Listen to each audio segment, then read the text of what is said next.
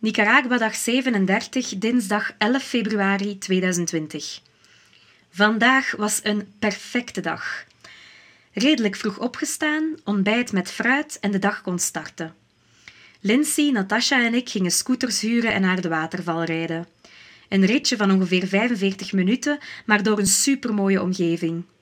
Er zijn veel groene paden, zicht op het meer of een vulkaan. Tussendoor kom je loslopende paarden, koeien en honden tegen.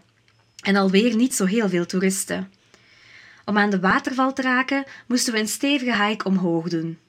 De Cascada San Ramon ligt maar net iets onder de krater van de Madeiras-vulkaan.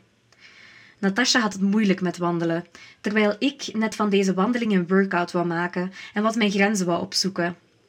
Ik vroeg dus of we het op ons eigen tempo konden doen. Lindsay bleef bij Natasha en weg was ik. Amai, ik heb hier zo van genoten. Alleen in deze prachtige natuur, het is hier ook heel veilig, op prachtige paden met blauwe en gele vlinders die fladderen. Na een tijdje had ik ook wat muziek opgezet. Het sfeertje van Stefan Bodzin paste perfect op een moment dat ik dacht: waar ben ik? Ben ik nog juist? Terwijl ik door een rivierbedding aan het stappen was. En Space Raiders van Charlotte Witte stond net op ontploffen als ik de gigantische waterval zag tevoorschijn komen. Ze is 50 meter hoog, heb ik net opgezocht. Ik ben alweer getuige van een prachtig stukje puur natuur. Lindsay en Natasha kwamen er ook aan en we zijn allen samen naar beneden gegaan. Wel zot aan het gieten van regen ondertussen. We waren echt doorweekt. Tijdens lunch besloten Lindsay en Natasha dat ze niet meer zouden mee zouden kajakken. Bang voor meer regen en misschien wat druk voor één dag. En zij hebben meer tijd.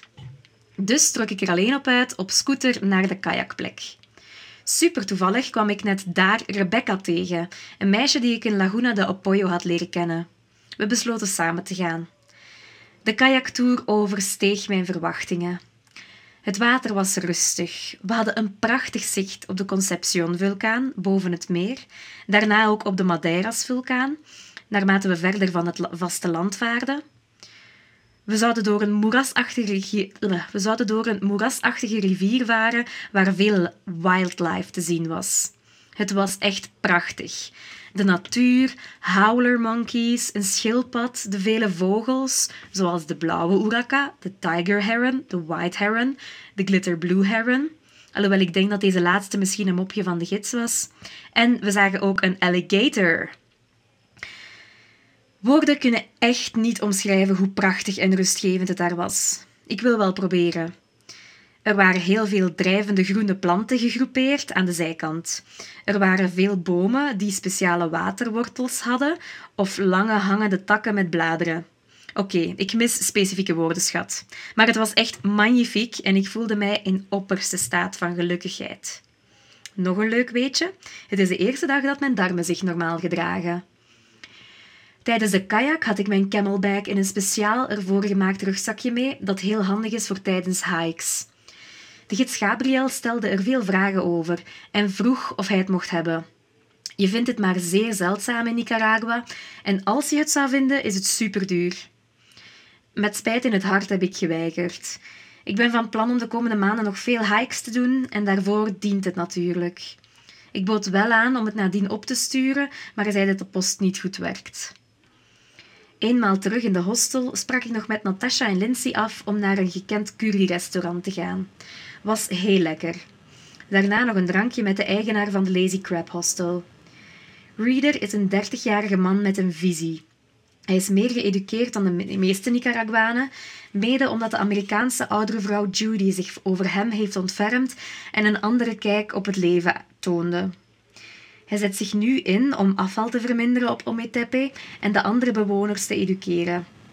Hij is ook een andere business aan het opstarten met treehouses. PS. Ik kwam vandaag aan de waterval ook Noor en Annemijn tegen van in Granada. Superleuk om dezelfde mensen terug te zien. Ze nodigden me uit op een feestje in El Zopilote, maar het was te onhandig om er te geraken. Nicaragua dag 38, woensdag 12 februari 2020. Reisdag vandaag met terugzien van mijn ouders. Ik heb nog gallo pinto ontbeten met Lindsay en Natasha en daarna ben ik dan vertrokken naar de ferry. Louis, de taxichauffeur, stond paraat om met mij door de prachtige straatjes van Olmetepe te chasen. Ik had heel veel geluk dat ik nog net een vroegere ferry kon nemen. Daar leerde ik de Zwitserse Ella kennen, die ook naar Costa Rica moest. Eerst met een taxi naar de grens, die vrij dichtbij was. Dan tussen de grensovergangen met een fietstaxi en daarna samen op een luxueuzere bus. Die rit duurde wel langer. Ik werd opgepikt door uh, chauffeur Oscar van Buena Vista Chic Hotel. Daarna ging ik mijn ouders opwachten op de luchthaven met een zelfgemaakt naambordje.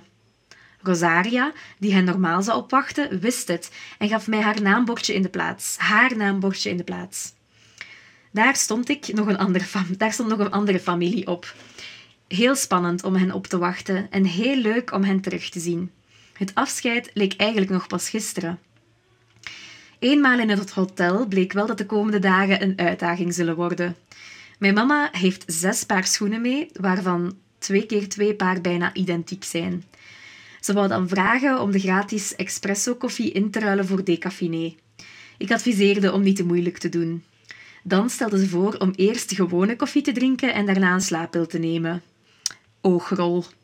Maar ben blij dat ze hier zijn en wat kennis kunnen maken met mijn manier van reizen.